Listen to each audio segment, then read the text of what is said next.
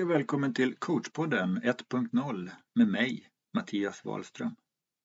En podd för dig som vill nå en behagligare relation till livet.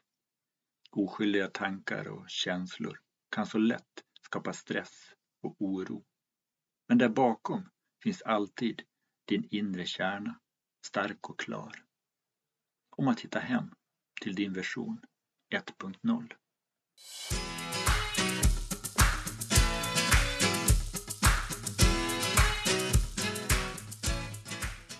Hej på er!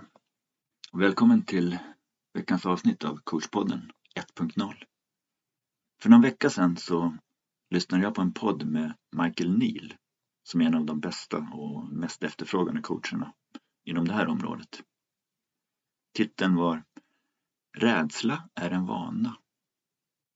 Den ingången på begreppet rädsla har jag aldrig tidigare hört och blev genast väldigt nyfiken Eh, dyka lite djupare i frågan. Kan det vara så att våra rädslor som dyker upp och blir kvar etableras som vanor?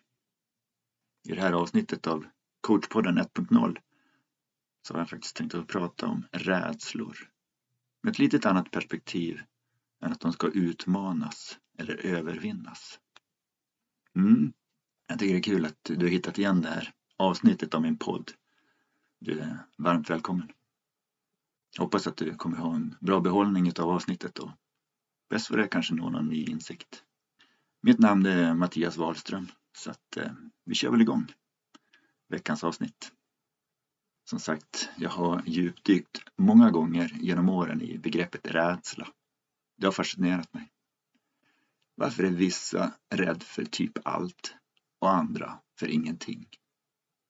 Är den ena gruppen klok och förnuftig medan den andra dum, dristig och ansvarslös? Eller har den ena gruppen inte jobbat tillräckligt på sig själva och lärt sig hantera alla rädslor och den andra gruppen har ägnat tillräckligt många timmar i träningslokalen för personlig utveckling och numera alltid kan bemästra sina rädslor. Om vi börjar från början, från födseln, så är det konstaterat att vi redan som litet barn har två rädslor med oss in i livet. Höga ljud och höga höjder. Alla andra rädslor lär vi oss med livet. Om vi utgår ifrån idén att alla rädslor som vi lägger till oss är till vår fördel, att de hjälper oss och att de räddar liv. Så att eh, i så fall, då behöver vi ju inte ursäkta oss att vi inte vågar. Vi skulle inte behöva söka hjälp. Stå över olika aktiviteter eller möten av rädsla. Vi skulle inte heller behöva självmedicinera eller söka psykolog. Om vi visste att alla förvärvade rädslor är till vår fördel. Men nu är det inte så. De flesta av våra rädslor ger oss inga fördelar överhuvudtaget. Varken överlevnad, livsglädje eller längre liv. Därför så onödigt att behålla idén om att vi som människor har ett arv från savannen och att det är viktigt för vår överlevnad att lyssna på våra rädslor. De flesta av våra rädslor orsakar bara stora begränsningar i livet såsom missade möten, upplevelser vilket allt som oftast leder till en minskad livsglädje, kreativitet, kärlek som konsekvens. Om en rädsla finns kvar endast som en lojalitet till vårt förflutna så är det ju tragiskt. Därför är det nu hög tid att syna lögnen. Många av oss har en uppväxt med tydliga ramar kring vad som kan vara farligt vad som kan vara kul eller okej. Okay. Jag tänkte inte gå in på varför vissa gör si och andra så, eller vad som är bättre eller sämre. Det som jag idag är intresserad av är vad som gör att vissa släpper sina gamla rädslor, andra inte. Varför vissa skaffar nya och andra inte. Det är lite tragiskt om vi tar våra rädslor på så stort allvar då vi ganska upptäcker att när vi synar den begränsande rädslan och istället gör det önskvärda så landar vi oftast väldigt mjukt och med stor nöjdhet. Med affärsidén om att rädslor är vanor så kan vi förstå varför vi nästa gång vi blir utsatt för liknande situation så reagerar vi så som vi gjort tidigare. Av vana, inte av rädsla i första hand, utan först som en vana. Det betyder också att precis som med andra vanor så kan vi sluta med vanan. Det intressanta med den här vinklingen gör att det som skrämmer mig inte har att göra med det som jag tror skrämmer mig. Det som skrämmer mig handlar om att jag skaffat mig en vana, en rutin eller varför inte ett beroende i att ta den uppkomna tanken rutinmässigt som något skrämmande. Typ allt som vi är rädda för idag handlar om något annat än att överleva. Skulle vi lyssna på alla våra rädslor skulle det inte innebära ett tryggare och säkrare liv. Däremot skulle vi kanske ta ihjäl oss själva med svält och liggsår. När vi byter fokus från att hantera rädslor till att ta reda på vad som orsakar rädslor så är det lättare att förstå min titel och också leva livet fullt ut. För dig som ännu inte nått den insikten eller förståelsen kan förstå att du kan tycka att det jag säger provocerar. För att klargöra mitt budskap så vill jag inte att det jag säger ska misstolkas som om att vi ska göra dumma saker som riskerar liv och hälsa. Det jag utmanar är förvärvade rädslor som begränsar ett liv i högre välmående, nöjdhet, njutning. Jag kör en liten grundkurs i hur en rädsla uppstår och vad som gör att vi ibland tar den på högsta allvar och ibland skrattar bort den. Eller till och med inte ens noterar att det är en obehaglig situation. För att uppleva rädsla behöver du först och främst vara vid liv. Det kan vara lätt att glömma, men det är grundläggande. Så vitt vi vet, endast det som är vid liv kan uppleva rädslor. Nästa grundsten som finns med på kravlistan är att du behöver vara vid medvetande. Medvetandet är något som kan variera. Och det gör också att beroende på vart du är i din mentala berg och dalbana kommer du reagera olika i den situation som emellanåt kan upplevas som dödsläskigt och nästa gång som ett roligt skämt. För att vid en tredje tillfälle inte ens uppfattas i medvetandet. När det är högst uppe på takvåningen, mitt i festen, bland skålar av champagne och dansande på bord, då finns det inte utrymme för rädslor eller tankespöken. Där och då lever du helt befriad från rädslor. Därför kan vi också förstå att en och annan väljer att försöka söka sig regelbundet till takvåningen med en önskan att festen aldrig ska ta slut.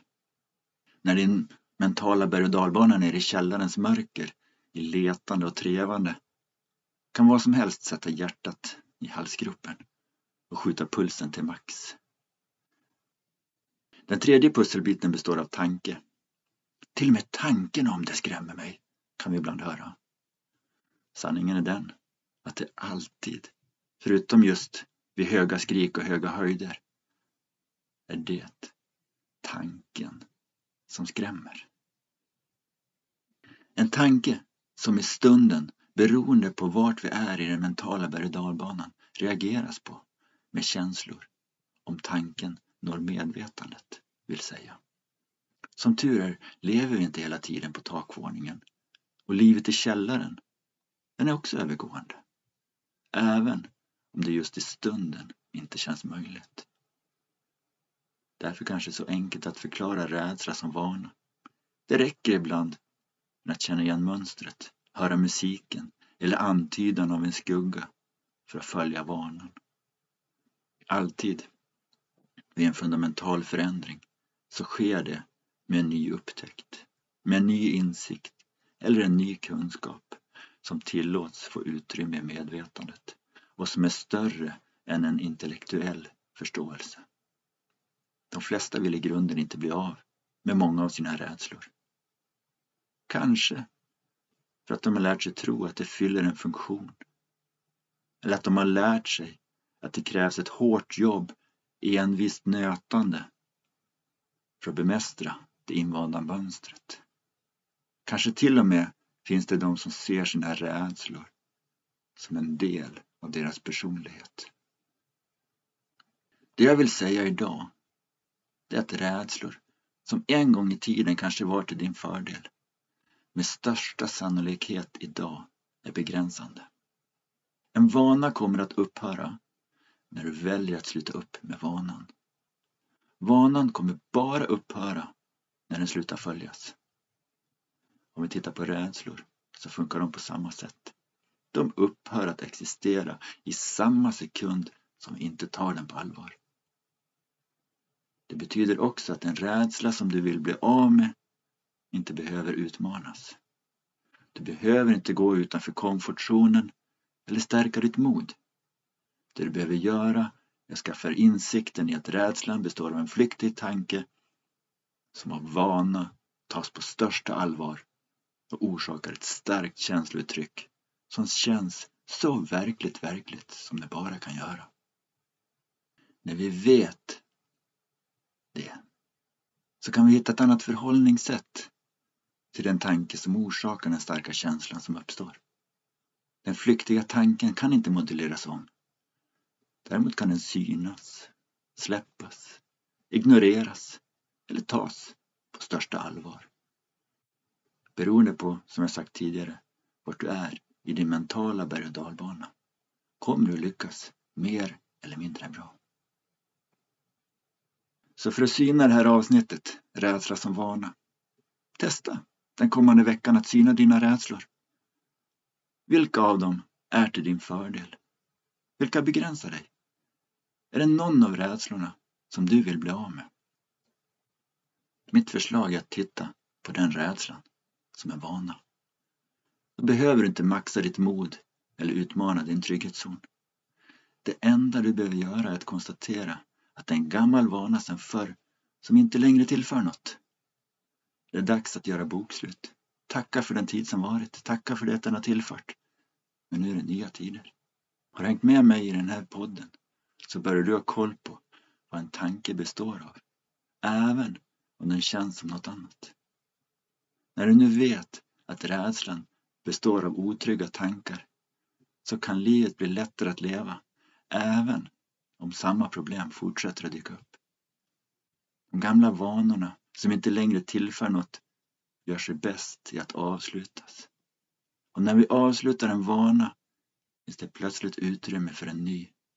På samma sätt var det med hur tankar uppstår. När vi släpper en tanke ges det utrymme för en ny.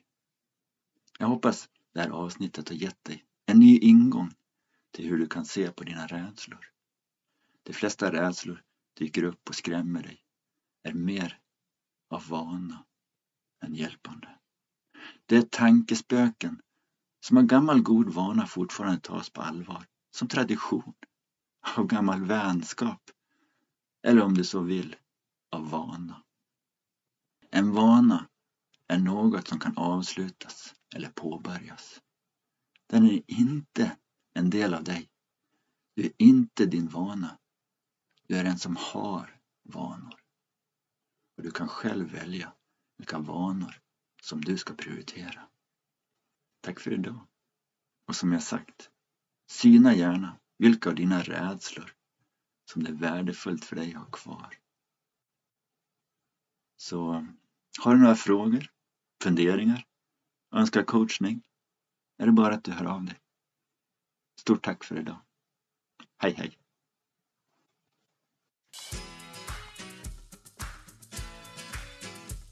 Tack för att du har lyssnat på Coachpodden 1.0. Om du har några frågor och funderingar får du gärna mejla dem till mig, Mattias, livsstilsforandrarna.nu. Om du vill komma i kontakt med mig och är nyfiken på coachning, föreläsningar eller mina produkter, titta gärna in på hemsidan livsstilsforandrarna.nu eller mejla mig direkt. Jag lägger med länkar i programinformationen. Naturligtvis, om du gillar podden så uppskattar jag om du Dela den i sociala medier och rekommendera den bland dina vänner. Ta hand om dig så hörs vi snart igen. Och eh, stort tack!